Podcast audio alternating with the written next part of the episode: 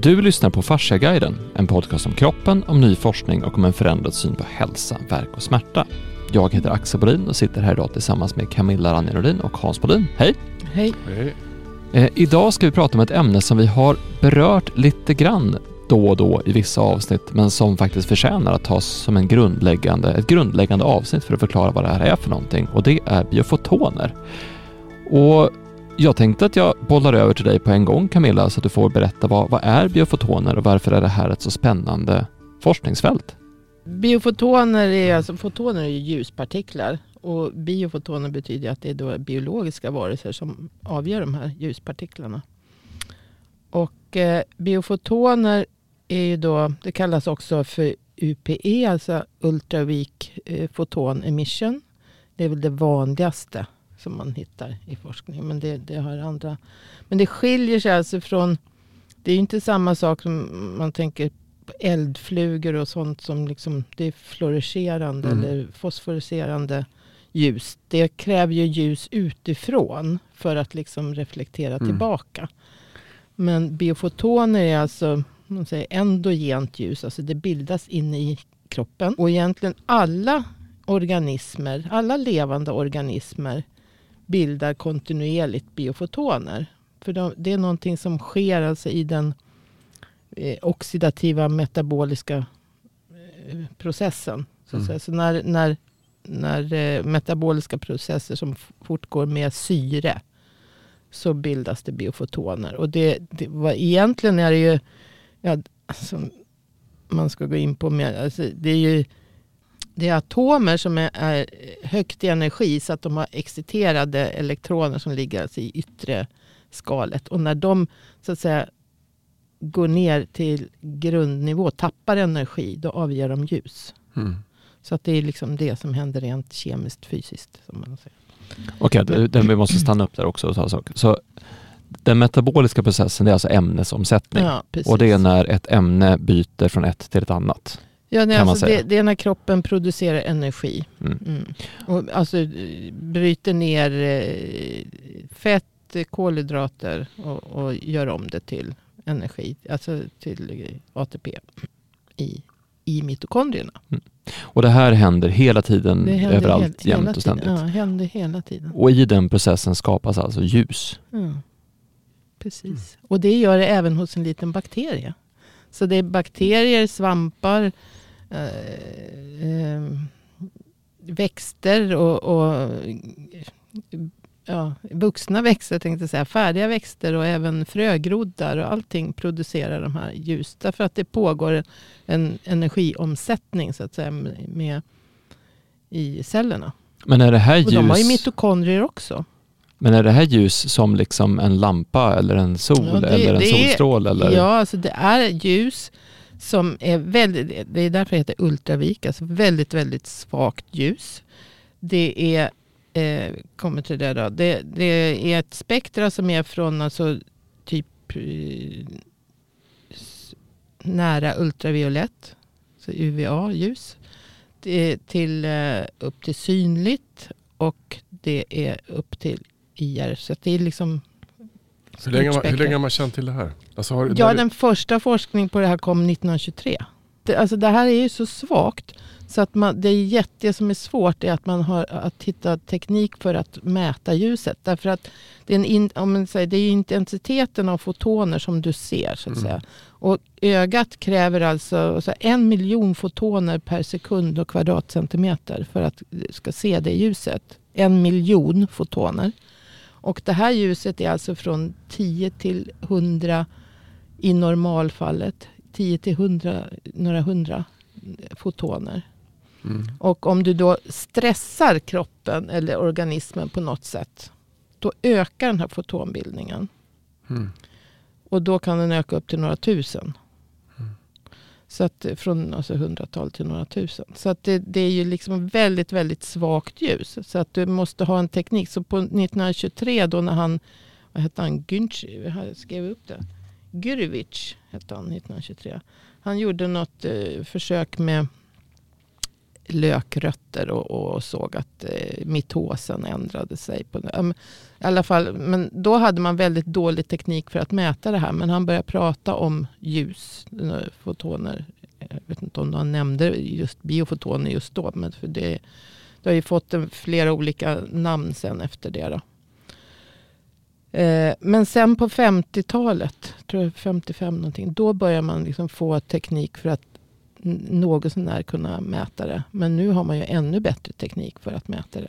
Så nu kan man faktiskt mäta genom, man kan mäta, eh, för ja, som jag sa så ökar det här när man stressar organismen på något sätt. Vilket innebär alltså att lägger du på någon, en växt kan du stressa genom att du sänker temperaturen eller höjer temperaturen. Det är temperaturstress. Eller att du torkar eller ja, någonting som belastar organismen. Och det är ju samma sak med, med människa då. Mm. Alltså att om du, allt som stressar oss, alltså det är det vi pratar om, oxidativ stress. Då ökar alltså den här utsöndringen eller produktionen av biofotoner. Mm. Säga, ut, ut, utstrålningen av, av biofotoner.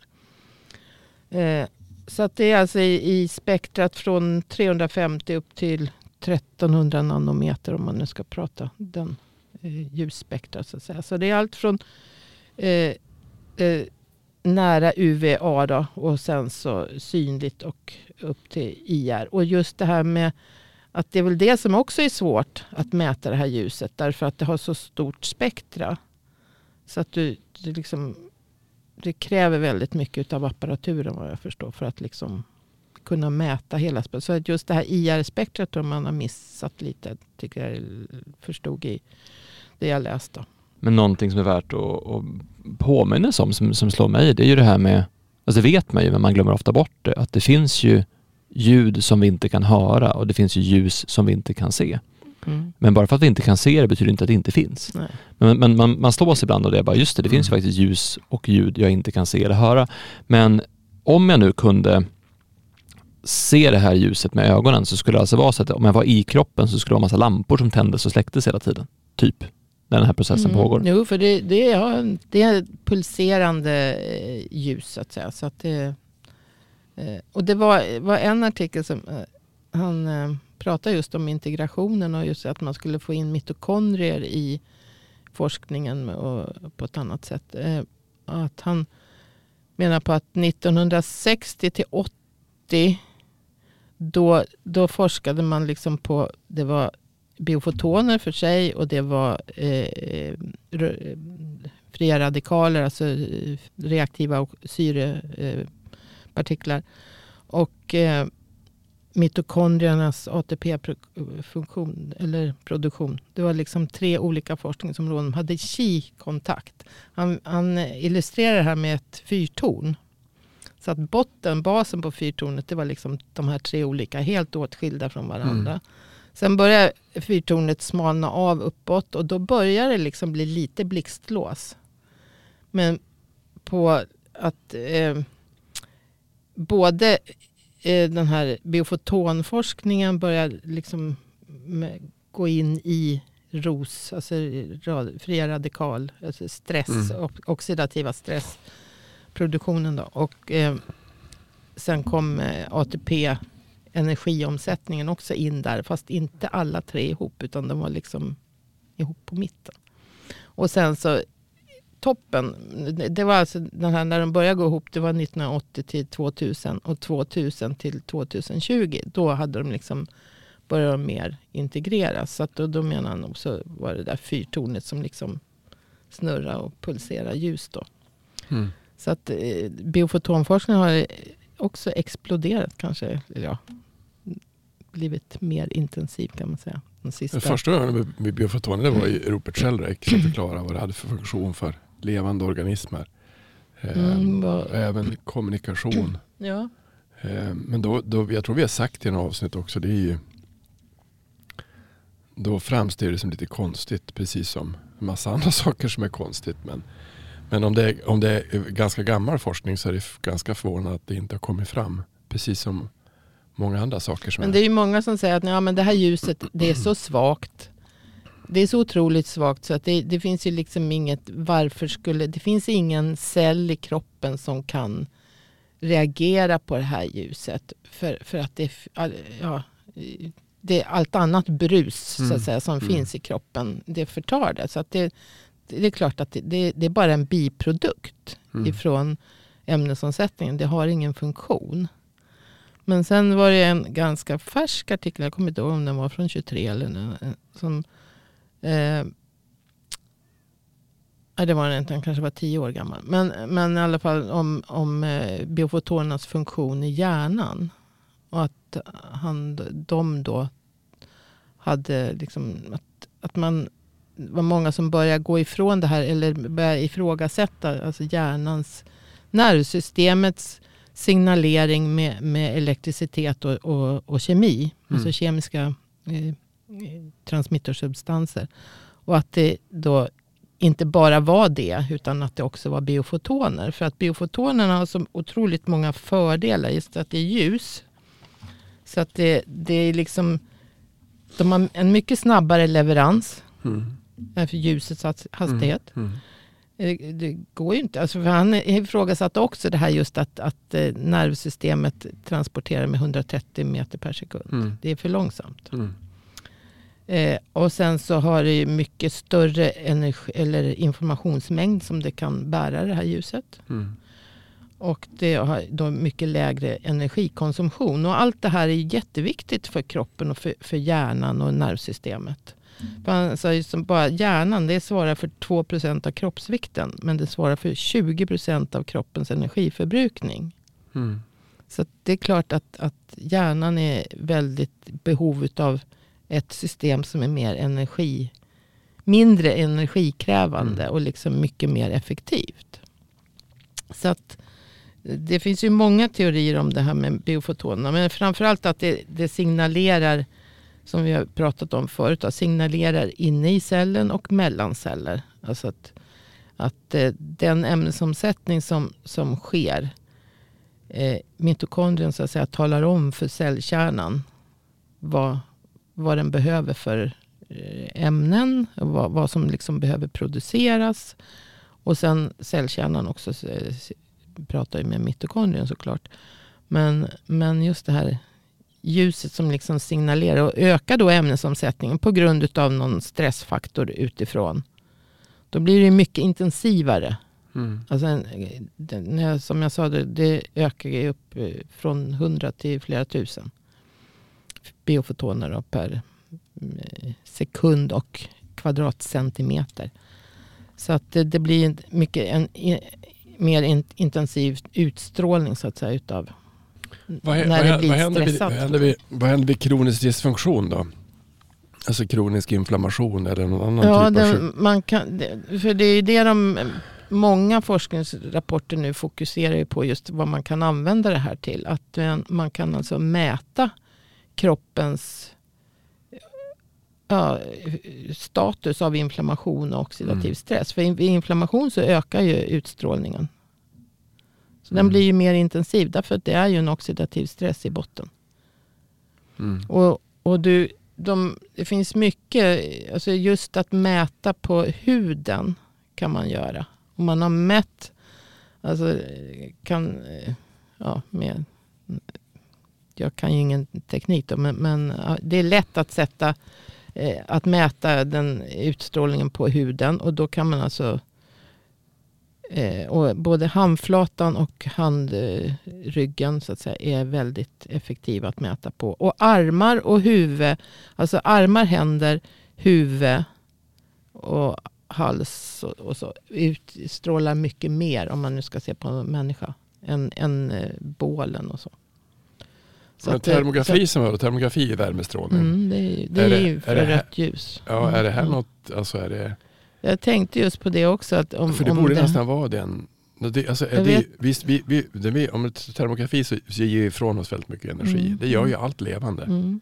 eller hur? Mm.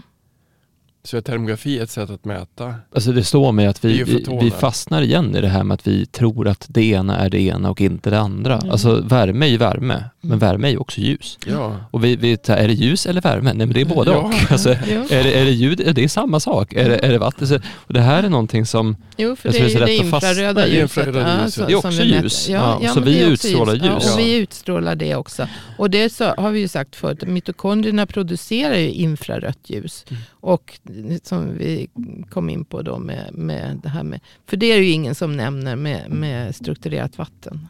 I, I någon rapport så att säga. Det gör de ju inte. Nej. Det där har de För det- inte. Nej, för, så liksom få ihop det med, med det här också. Ja, ja, men för, jag får en bild så här och det är att vi, vi pratar ju om, om hur annorlunda det är att se på den levande kroppen. Mm. Att det är det här ständiga flödet, det är den ständiga förändringen, den ständiga rörelsen, är celler dör och celler föds. Så allting är konstant i rörelse i kroppen. Så även när du är helt stilla så är allting i konstant rörelse. Den bilden blir mycket, mycket roligare om man tänker att det är massa blinkande lampor överallt. Ja, Så att när du precis. ligger helt stilla på en säng och, och djupandas så bara blinkar det som ett, som ett Mm. tivoli. Ja, ja. Och det här är ganska kul. Tänk dig att du går runt och är som ett blinkande tivoli. Så I Mm. din kropp så är det lampor som tänds och släcks och hela tiden så här full fart ljus fram och tillbaka. Då, då börjar man förstå hur, även när vi tror att vi är stilla, hur otroligt mycket rörelse det är i kroppen. Mm. Lampor tänds, tänk att det är alltså miljoner, säkert miljarder blinkande lampor i kroppen precis hela tiden. Det är, jätte, det är en jätterolig bild. Mm. Och då tänker jag så här att, att om man tar om man tar ljus och så tänker man, för vi pratar ju om ett sätt att förstå den levande kroppen är ju att förstå principer. Mm. Att samma principer går igen på liten nivå som stor nivå. Och Gimberto pratar om, om fascian och den extracellulära matrisen och det här systemet som ett nätverk som är fraktalt. Att samma saker finns på liten skala och på stor skala. Så det är samma mönster, samma principer, samma saker som går igen i litet och stort. Och det har vi pratat om i många avsnitt också, hur, hur ja, men, vad var det du sa Hans, att, att fascian är ganska lik hur universum ser ut, eller hjärtats spiral är samma spiral som du kan se i galaxer. Alltså det finns någon likhet Mm. i hur allting sitter ihop. Men jag skrev till en som forskare som höll på med, med universum. Han hade gjort, han hade fi- filmat en, en skapelse utav en, eh, en galax. Och det såg ut som fascia. Ja. Så jag skrev till honom, det ser exakt likadant ut som farsan tyckte det var häftigt.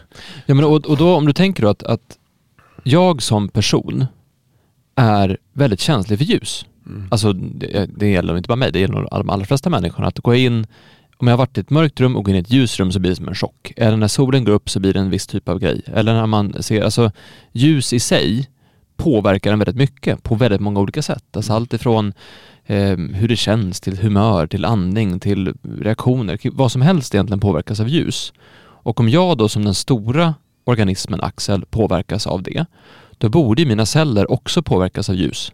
Så att de här tända lamporna som tänder och släcks borde ju rent principiellt påverka det, allt i vet, det kroppen. vet man att det gör. Ja, såklart. Alltså melatonin, Det- alltså allting. ja, Alltså ja. hela kroppen påverkas ljus. Även ja. inuti. Ja, och det, ja, det är den här, ja, ja, ja, ja. och det är den här kopplingen tror jag som, är, som vi behöver göra för att förstå det här på, på allvar, att det faktiskt är samma sak. Och det är egentligen det som biofotonforskningen också handlar om. Hur mycket de här lamporna, det här tivolit påverkar allting annat i kroppen. Mm. Det som jag satt och funderade på när jag var borta nu, alltså det som är det svåra egentligen, så det är ju perspektivet på att kroppen lever. Eh, det var en, jag tror det var Per som sa det, att om du tittar på ett flödesschema, man kan ju rita ett flödesschema, du kan rita ett flödesschema, men om det inte flödar är det inget schema. Du kan rita ett elschema, men om det inte är elektricitet så är det inget elschema, fast vi tror att det är det. För man kan göra sådana saker. Så samma sak egentligen att det som är, jag ska kolla på vad Gimberto har gjort. Han har ju, han har ju vad är det 1500 filmer finns i hans databas. Nej, mer. Eh, Det är många som helst. Men han har filmat allt, all, alla olika delar på kroppen. Men han har inte filmat en enda helkropp.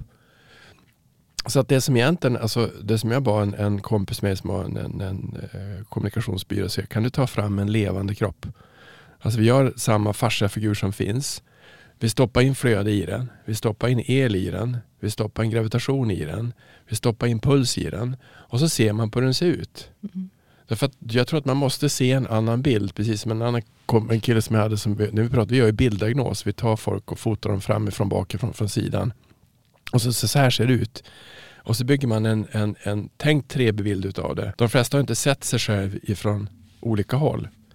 Men, och då hade han gjort samma sak fast han ville göra rörelser. Och det han hade gjort som bilden då, så att visa rörelsen, det var ett skelett.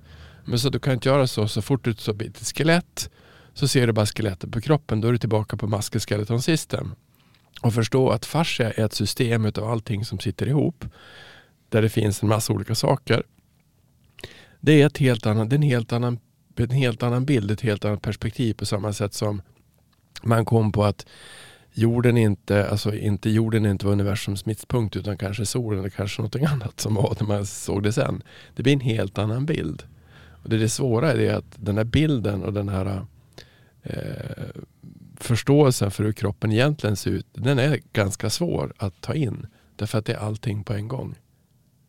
Det är det som är så rörigt. Och därför blir det ju, som du sa, att man har börjat forska på biofotoner från tre olika perspektiv. Mm. För att då är man, man är så fast i att ja, ja. Alltså, göra man är så fast att gå in i så litet därför att egentligen vetenskapliga paradigm bygger på att vi ska undersöka små saker och sen bygga ihop det. Men hur bygger man ihop det? Och när jag frågar, när jag frågar han eh, Thomas Findlay om det här med vad han har fått att vattnet alltså, kommer ja, 15 meter per sekund. Ja, ja, det är ljusets hastighet, nej, ljudets, ljudets hastighet, hastighet i vatten. Och det är klart att det är väl givet att om du är ett kärl det, det är som att um, dyk ner i en bassäng och så ser du vad som händer. Men det kanske istället är också, också ljus, ljusets, ljusets hastighet. Också i, och, då, och då går det ju fruktansvärt. Vad är ljusets hastighet i vatten? Är det någon skillnad mot när det går i... Nej, det eh. tror jag kanske inte. Men, men alltså, om, du, om, du tar, om, du tar, om du tar entanglement, att, att en partikel kan vara på samma, samma ställe samtidigt som i, i kvantfysik. Då, det är ju mm. det är ljus, mm. eller hur? Men det var en, en eh, helt färsk eh, rapport som hade en väldigt intressant... Eh, den handlar egentligen inte så mycket om... om från början så, så trodde man inte att den handlade om biofotoner. Men den hette alltså icke-kemisk signalering mellan celler. Typ någonting sånt var det. Ja. Och då hade de gjort ett, ett försök. Ska vi se, och satt mitokondrier alltså, från eh, celler i en kuvett i en lösning. Då. Ja. En kuvett är ett sånt litet fyrkantigt eh, fyrkantig behållare som man stoppar i en spektrometer tror jag, okay. för, för, att mäta. Och, och de hade alltså tre sådana och behållare och stoppade mitokondrier i dem. Eh, den ena behållaren eh, behandlade man med Antimysin som alltså är ett medel som eh, sänker eller hämmar eh, andningskedjan i mitokondrien. Andningskedjan och elektrontransportkedjan är samma sak i mitokondrien. Så det hämmar alltså eh, mitokondriens arbete. Det är en stress. Teorin är då att, att utstrålningen så att säga ska öka. Eller, eller minska. Därför att du, du, du, du hämmar ju liksom du hämmar ju arbetet för mitokondrien så att den kommer inte att producera något syre. Kunna konsumera något syre heller. Eh, och då hade du alltså tre kuvetter. Den ena behandlade med och sänkte eh, arbetet så att de alltså, skulle sänka syreåtgången. Så det egentligen handlar inte om biofotoner först, för det var inte det de mätte. De, eh, utan de mätte bara mitokondriens arbete. Och en är då två är orörda så att säga. Mm. Men sen satte de alltså ett, ett ogenomskinligt skiva mellan den ena orörda och den som var behandlad och en, den andra orörda. De stod bredvid varandra. Mm. Och sen så eh, efter 130 sekunder, alltså två minuter, så kollar man eh, eh, syre hur mycket syre som, som eh, hade gått åt och, och liksom syreåtgång, syreproduktion också. Och, och eh, då såg man att även den här som stod bakom ett avskärmat, en avskärmad skiva hade sänkt sin Nej, den hade inte sänkt sin, syre, syre, sin syreåtgång. Men den som, de två som stod bredvid varandra, den som var bredvid den som var behandlad, mm. hade reagerat likadant som så den som var behandlad. Det. Så det är lite som det här med vattnet och minnet. Mm. Eh, så att de två hade alltså reagerat på den här på samma sätt. Men den som stod bakom den här skärmen, som alltså var ogenomskinlig för ljus. Det var det som var grejen. Det var därför han drog slutsatsen att det är biofotoner. Den hade inte någon reaktion överhuvudtaget. Där hade inte hänt något.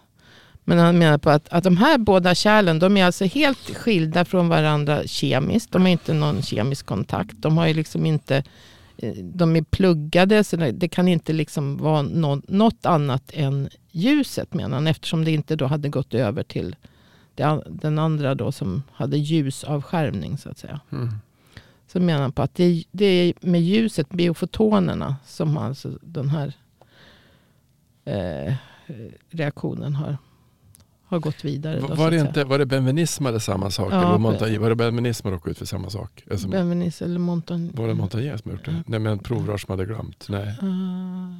Nej, men, och egentligen så är inte det så märkligt om man tittar på, om du tar ett, ett glas med vatten och så sen så har du bara en lampa här, eller ett levande var, ljus. Eh, var kvartskuvetter, vilket kanske var viktigt. Och kvarts är ju sådana mineral som är genomskinlig så att säga, som okay. ljus går igenom. Jag vet inte om samma sak. Men i, men i allmänhet, om du bara tar och, och lyser på vatten, och så mm. ser vad som kommer ut på andra sidan. Så att vattnet i sig gör ju någonting med ljuset. I ja. vatten så mm. förstärks ljus på ett mm. annat sätt. Vattnet blir, blir nästan ja, bryts. prisma, det bryts. Mm. Och tar man en sån sak som en regnbåge är ju alltså när ljus går igenom ja. vatten. Mm. Och det blir ju väldigt intressant. Eller om ni varit ute någon gång när det har regnat och så är det sol samtidigt. Då blir himlen helt annorlunda. Så mm. det händer ju någonting med när just vatten och ljus möts ihop. Och om du då mm. tittar på kroppen, att kroppen har det här tivolit av ständigt tillverkande ljus och är så mycket vatten, så det är klart att det blir spännande saker som, mm. som sker. Men det är samma sak där, att vi ser ju inte allt ljus. Så vi, vi ser ju inte heller allting som påverkas Nej. på det sättet heller. Så bara för att vi inte ser det så vad finns bio, det. Vad, vad, vad, tycker man att biofotoner har för funktioner? Vad, ja, men det, är, det är, många säger ju som sagt att det inte har någon funktion. Nej. att det inte Exakt. kan ha någon, att det är bara en biprodukt. Men eh, annars är man väl överens om att det är alltså en signalering i cellen till cellkärnan och sen mellan, mellan celler, alltså till andra celler. Mm. Och så även, alltså även ut, ta, den, mitokondrien tar ju information både utifrån från andra celler genom, via fascian. Mm. Och här just att eh, här menar på att även nervsystemet har, har alltså en biofoton signalering i, i nervtrådar. Men även alltså, kollagenet och vätskeflödet eh, för ju också det här ljuset vidare. Mm. Och det kanske inte... Ja, de, de fokuserar ju bara på sin lilla bit all, allihopa så att säga. Så att det, men, men eh, det, funktionen är signalering. Och då kan man väl tänka sig att, att om eh, organismen blir stressad så behövs det ju ännu mer så att säga, signaler. att eh, ja, Det är liksom larmet som går. Mm. Så att man kan ju mäta. Du kan mäta. Det fanns ju massor med användningsområden på. Alltså, alltså som man eh, gjort det. Just att man, man kan mäta just vid, vid cancer. Mm. De flesta cancerformer, det kanske fanns någon som inte direkt hade givit någonting. Men, men ger en jättemycket utökad eh, strålning då, utav, av ljus. Av ljus, biofotoner. Och inflammation, samma sak. Men det är ju en typ av inflammation. Alltså det är ju olika stadier så att säga. Men, men kan, och dessutom att de, man kunde använda det för att mäta vitaliteten på cancercellerna. Så att säga. För att det var korrelerat med antalet fotoner så att säga, med tumörstorlek. Så ju större tumören blev ju mer larm gick ut om man kan säga så. Så biofoto, att det där är egentligen ett larm också? Alltså ja, alltså... ja alltså det, det, kan man ju tänka sig eftersom det ökar så vid, mm. just vid stress. Alltså mm. någonstans, när kroppen blir... Därför att då måste ju ämnesomsättningen öka. Mm. Så att säga. Och då, då går, blir det ja, upp till flera tusen biofotoner istället för mm. att det ligger runt 110 tal.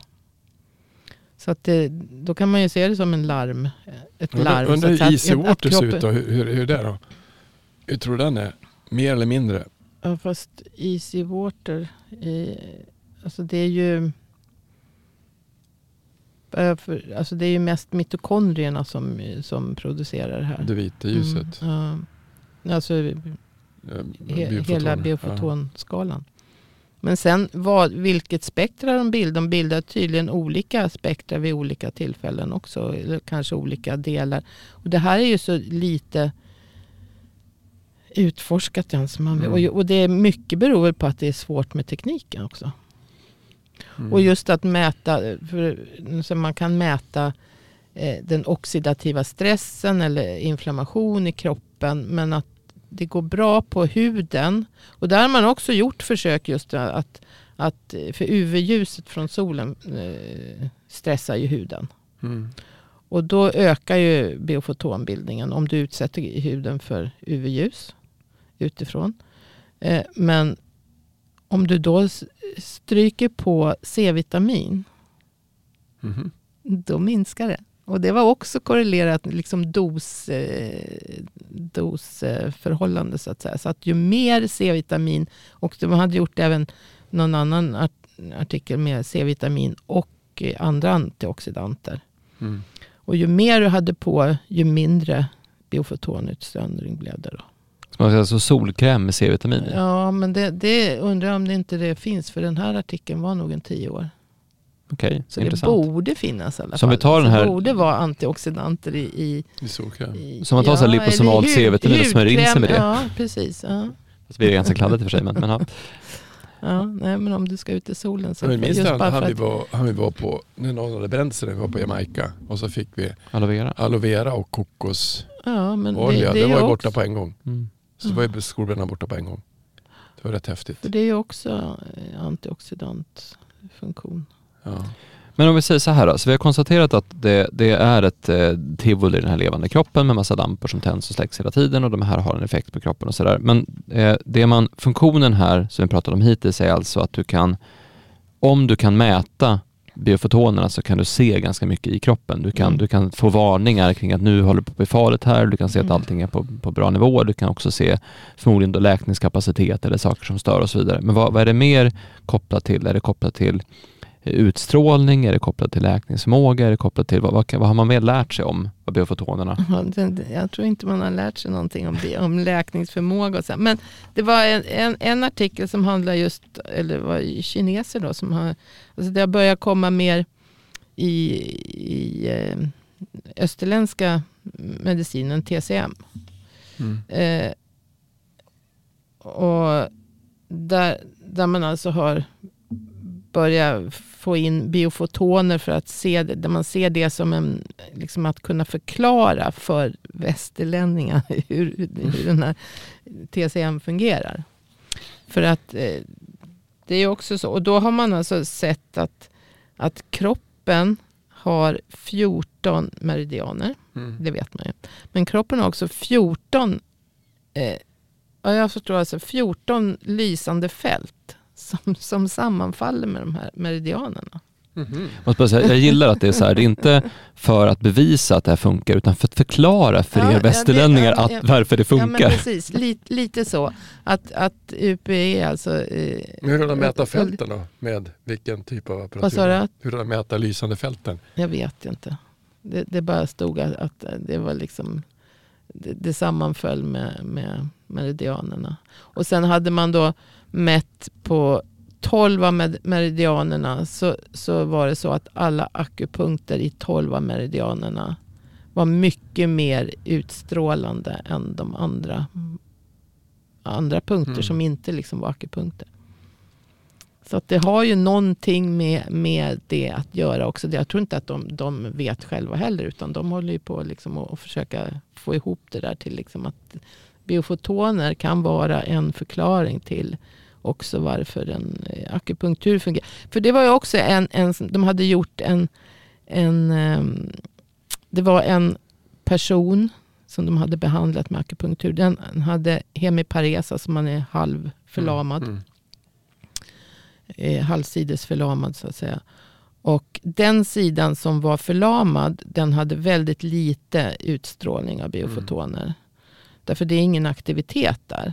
Och då självklart så minskar ju då Eh, Men efter akupunkturbehandling så hade den ökat. Den var Mm. väl inte liksidig. För normalt är det alltså liksidigt, relativt symmetriskt i kroppen. Så höger och vänster sida.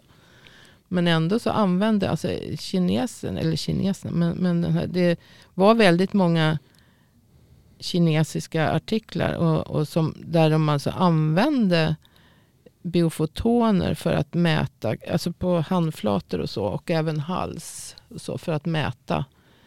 Eh, och drog samband med diabetes och sådana saker. Och det stämde överens med även andra sådana här eh, blodprover eh, och sånt som man liksom tar och, och för att kolla. Så hade de liksom bara för att visa att ja, den österländska medicinen har Men det är bara för att citera Neil Teese. It's all the same human body. Mm. When we start to realize that it's just a matter of language and metaphors we might be able to see where, it, where they meet. Ja fast jag tror att det, det, det, är, också att, det är också perspektiv. Ja. Det är också att se på saker och ting och, och TCM ser ju mer på hela kroppen. Ja, jo, och men, mäta med hela saker. Jag Precis. tror att det är det som egentligen de gör som är inte... Jag tror det svåra egentligen det är ju att den västerländska medicinen är mera invärtes och med, mäta mer saker och ting. Och den är mera utvärtes på ett annat sätt. Mm. Man tittar på flöden på ett annat Flöden, sätt. och det, jag tror att det är flöden och liv och puls som är jo, intressant. för, Mm. för att i den, de här normala västerländska artiklarna så att säga, där stod det just det här med att om man ska använda det här i, i framtiden, just att mäta på huden, det var lätt, men Mm. annars så kanske man kunde göra det med någon endoskopteknik för att liksom kolla olika organ i kroppen, hur de fungerar. Men i de här eh, österländska artiklarna, eh, de som fanns en liten sammanfattning på, där, där har man ju liksom olika ställen på kroppen som man mäter, mätte Mm. biofotoner för olika sjukdomar. Då. Nu var det inte så mycket mer än, än det, det, är ju, alltså det är ju metabola sjukdomar, metaboliska sjukdomar Mm. som man mäter. Just eftersom det har med metabolismen att göra. Då. Men just att man kunde mäta naven och, och handryggen eller handflatan och vänster eller höger. Så, och det har ju också med deras meridianer att göra. Att, Mm. alltså att de, de vet var meridianerna går. De vet har det i bakhuvudet De när de vet planerar vilka sin organ forskning. de, de så att säga eh, samarbetar med. Mm. Så att, eh, det var lite Men, men jag, tror att lite det, jag tror att det som är, det- jag, satt och, jag har sett någon, någon där förut, någon podd jag hade med. Man tittar på eh, naturfolk, alltså som eh, in, alltså olika typer av naturfolk, där de har haft använda medicinalväxter, alltså olika växter som har använt. Hur har de hittat dem? Alltså det finns ju i, i Ja. Amazon, det finns ju hur många Ja, tusen precis. som är Hur har de hittat hur dem? men- Ja. om de har ett annat perspektiv att se på saker och ting, antingen utstrålning, look, alltså vad det är för någonting. Så hur har, alltså så min farmor hittade en massa växter, eller vad hon hittade det för, men, men hur, hur, hur har den här kunskapen kommit till? Har man tittat på djur som har gjort någonting? Vad har man gjort för någonting? Men jag tror att det är ju perspektivet av allting som lever kanske utstrålar någonting på ett annat sätt. Och det är bara att kunna ta upp, ta, ta upp det. Mm. Eh, på samma sätt som, det, det som är fascinerande om vi ser på den levande kroppen som en enhet där allting lever, allting flödar.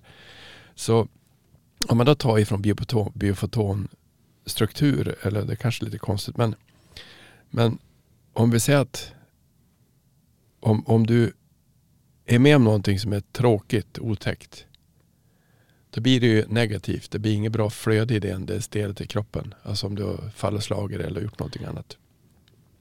Men om du ändrar det flödet till att alltså, fokusera på positiva saker i det området och så får du hjälp av en terapeut att göra det.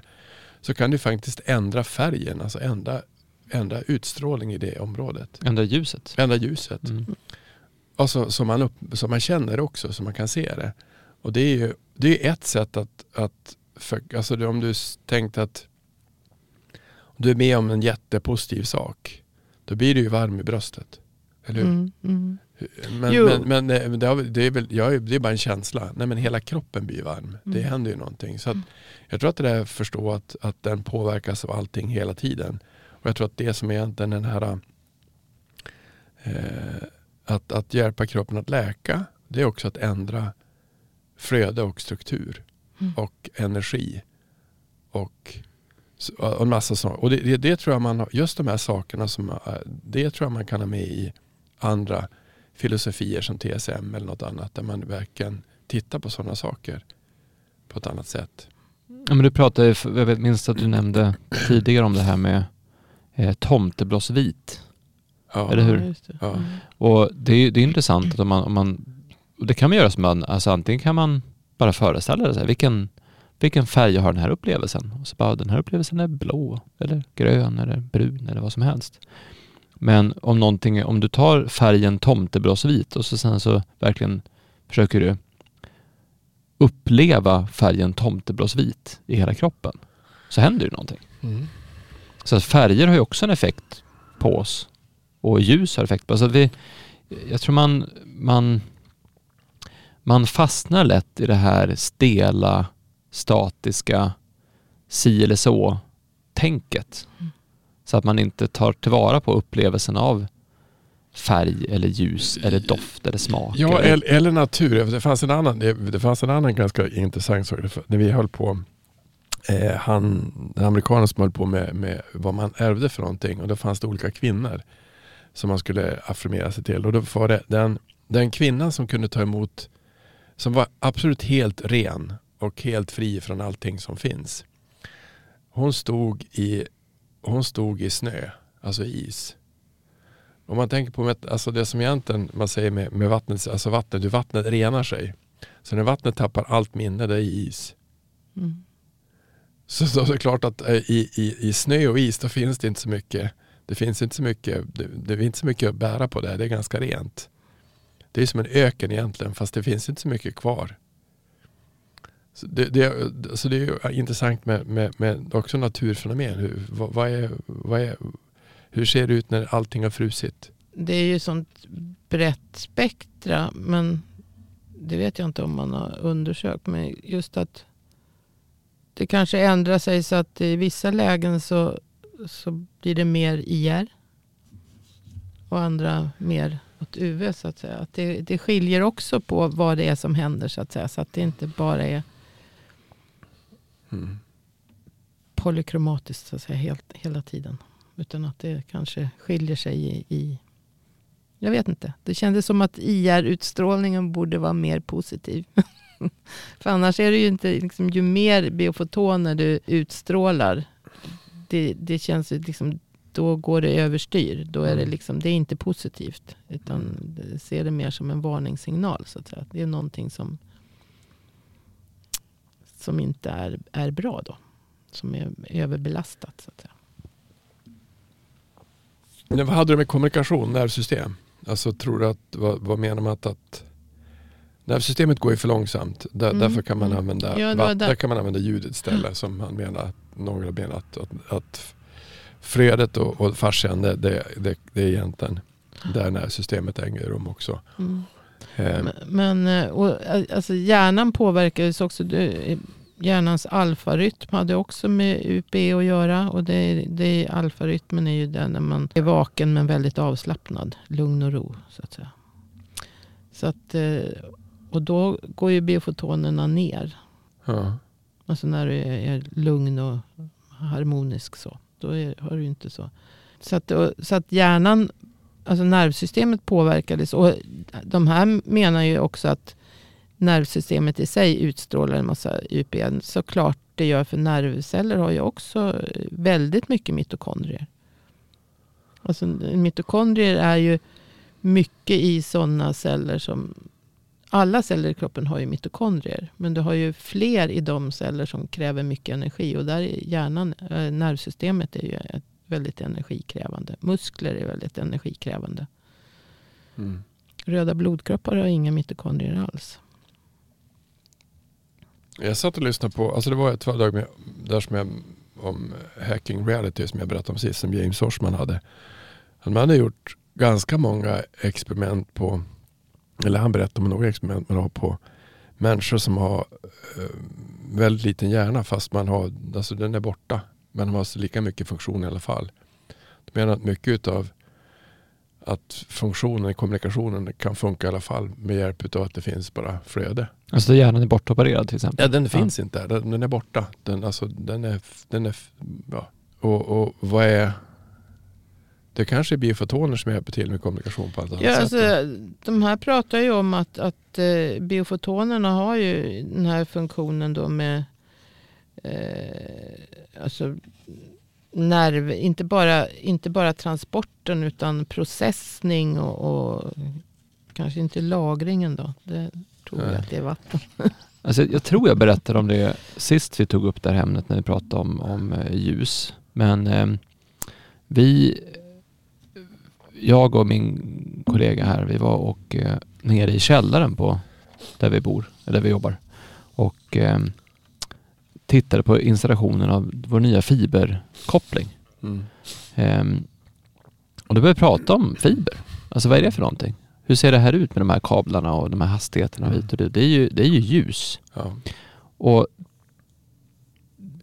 att jag tror inte vi tänker på hur mycket hur mycket som är ljus, alltså hur mycket som är frekvenser runt omkring Ja. oss, hur mycket som är, alltså mycket av Alltså att vi har extremt snabba internetuppkopplingar är för att det skickas information och signaler via ljus. Mm. Så att när jag stoppar Det- in sladden i min dator, som jag gör för att när jag ska ha riktigt snabbt internet, då är det via ljus som jag kommer åt internet. Mm, ja, men precis. Och den, den kopplingen drog de också i en artikel. Det var nog han förresten. men- Eller den, inte han, det var två var de. Eh, just med, med hjärnans funktion. Ja. eh, som drog kopplingen till fiberoptik. Jag satt precis och tänkte så här, ja, men kan, kan, vet man om information kan färdas via ljus? Och så bara, Ja, det är ju dumskalle, det är klart att information färdas via ljus för det är det som är fiber. Ja, Så att-. Så att om du då har den här, för vi, vi har ju pratat om att, att information kan färdas via ljud eller via frekvenser eller via mediet vatten. Mm.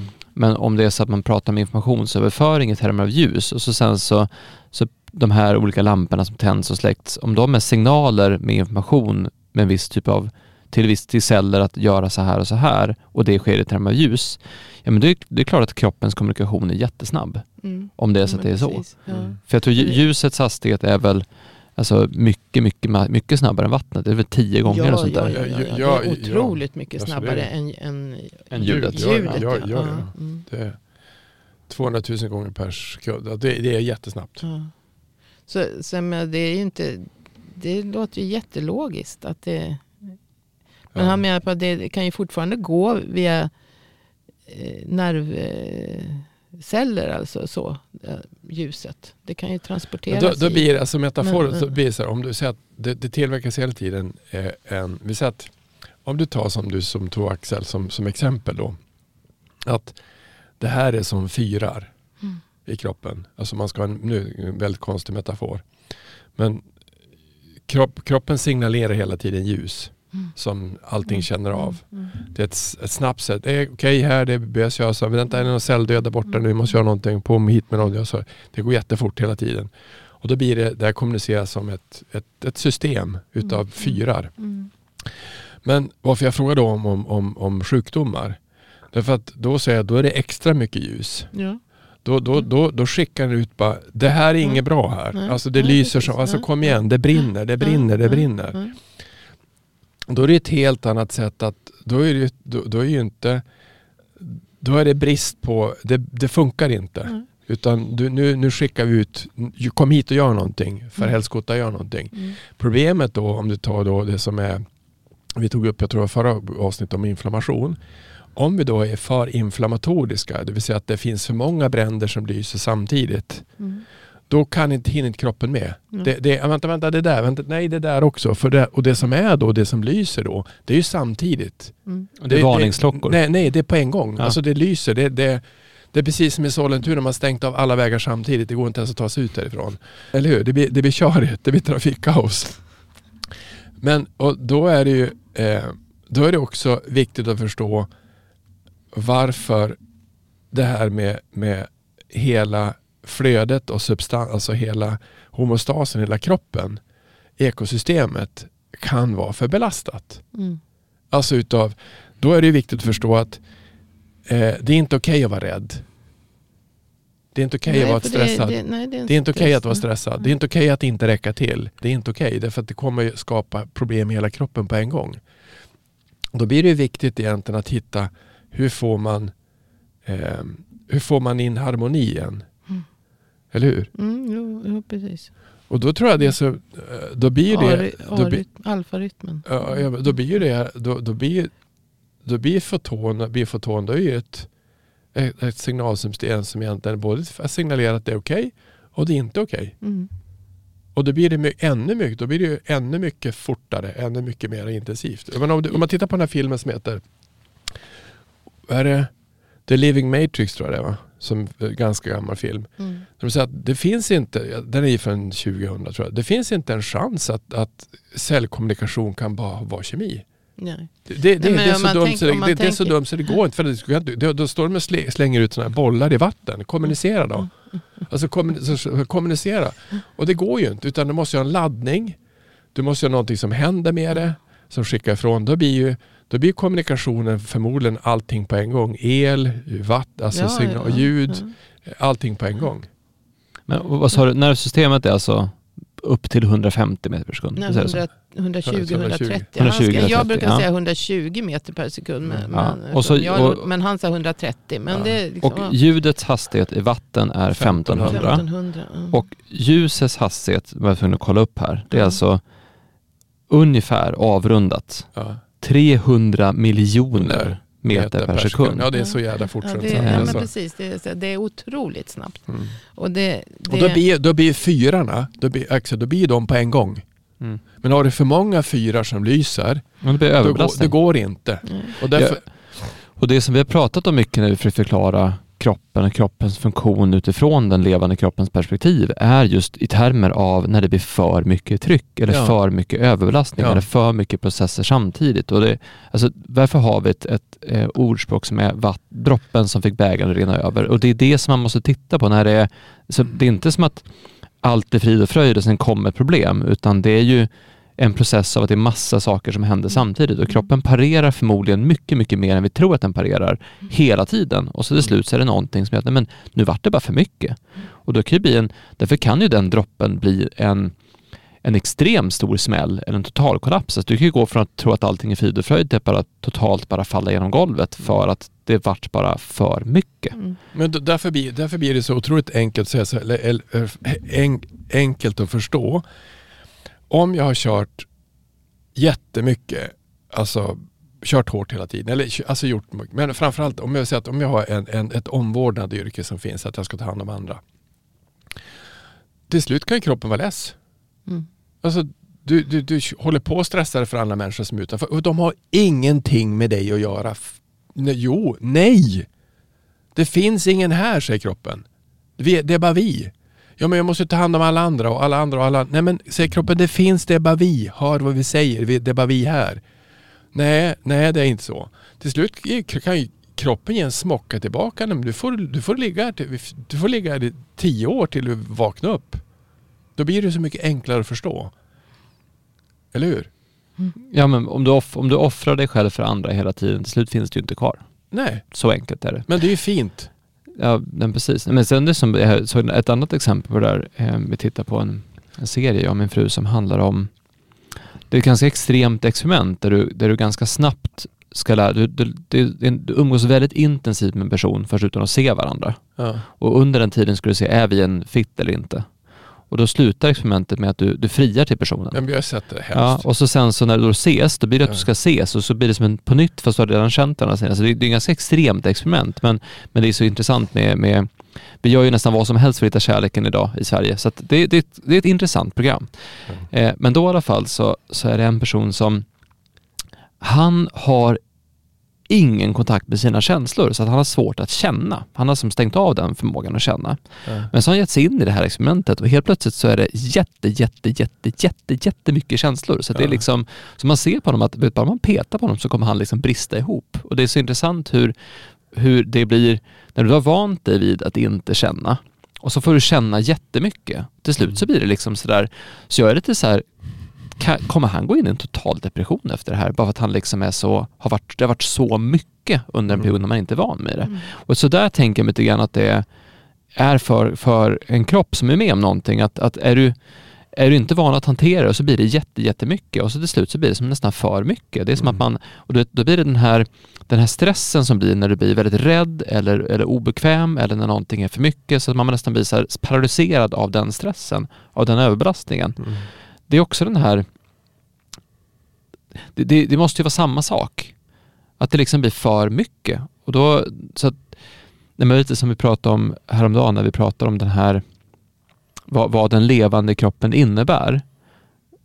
Och någonstans är det så att den levande kroppen är alltid där för dig. Mm. Den levande kroppen är alltid. Du har alltid det här tivorit inuti. Du har alltid den här oxidativa stressen. Du har alltid den här förmågan att ta emot av- avloppstryck. Du har alltid de här känslorna och det här ljuset och det här flödet. Det finns alltid i kroppen. Oavsett om du är medveten eller inte om kroppen så är kroppen alltid där. Mm. Och det är väl när man förstår att det är så som man kanske inser att det kan vara värt att fundera lite grann på sin egen kropp och sitt eget liv och sin egen Mm. varelse. Ehm, så jag vet inte, det, det är som... Det slår mig att vi gång på gång hamnar i samma grej. Jag tror, men jag tror att det är det som jag sa från början som vi håller på det är att man måste hitta en man måste hitta ett sätt att se saker annorlunda än vi har sett. Och det, TCM är intressant för det, det som du tog upp nu, för de ser ju faktiskt hela kroppen på ett annat sätt. Mm, och de har ju örtmedicinen som är jätteviktig och det skrev han ju om, eller de. Just att, eh, för det är ju antioxidanter. Ja. Det är ju väldigt mycket antioxidanter. Sen, sen är det ju det här med alltså, fria radikala oxidativa stressen. Oxidativ stress är ju inte bra. Men, men de här reaktiva eh, syrepartiklarna och, och, och så, de behövs ju. Alltså Mm. fria radikaler behövs ju för att vi, så vi ska ju inte ta bort allihopa. De är ju jätteviktiga just för signalering till Mm. kroppen. Men de ska ju vara på en lagom nivå. Låg eller medelnivå. Liksom, då, då fungerar kroppen och, och mår bra. Men så fort det blir för mycket, då kralar, alltså oxidativ stress betyder att kroppens egna eh, antioxidantsystem inte klarar av att ta hand om det. Mm. Och då har det ju gått överstyr. Mm. Och det är ju det är därför som... Och sen kommer vi in på det här med, med näring och alltihopa. Så att den, den biten behövs ju också för att alla de här metaboliska processerna ska fungera. Mm. Men det är ju när de inte fungerar, då larmar ju Mm. Mitokondrierna så att säga. Då blinkar det. Ja.